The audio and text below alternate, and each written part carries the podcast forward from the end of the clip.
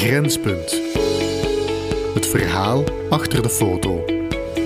Als ze spreken van Mollehat, spreken ze van de Koorskapel. En dat is eigenlijk het typische van, niet zeggen van het Mollehat, maar het typische van, van de streek hier, dat is de Koorskapel. En als ze zeggen, wat woonde aan de Koorskapel? Ah ja, zijn ze daar, we weten dat, aan de Koorskapel. Omdat dat, eh, ja, vroeger was dat eigenlijk een, eh, een bedevaartsoort. Er was eigenlijk een processie, ja. Ja, ja er was een processie met, eh, met, met pastoren allemaal op Tweede Stinksen. Van, vanaf uh, Wevelhem-kerk naar, naar, de Koorskapel, ja, ja. Dat was een proces. En dat was ieder jaar op Tweede Stinksen. Ja, dat was een beetje een traditie.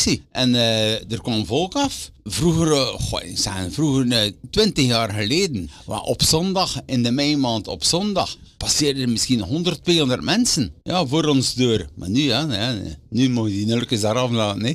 Er is nog één of twee hier op een zondag. Benieuwd naar meer verhalen? Scan de QR-code bij de volgende foto. Of luister thuis online verder.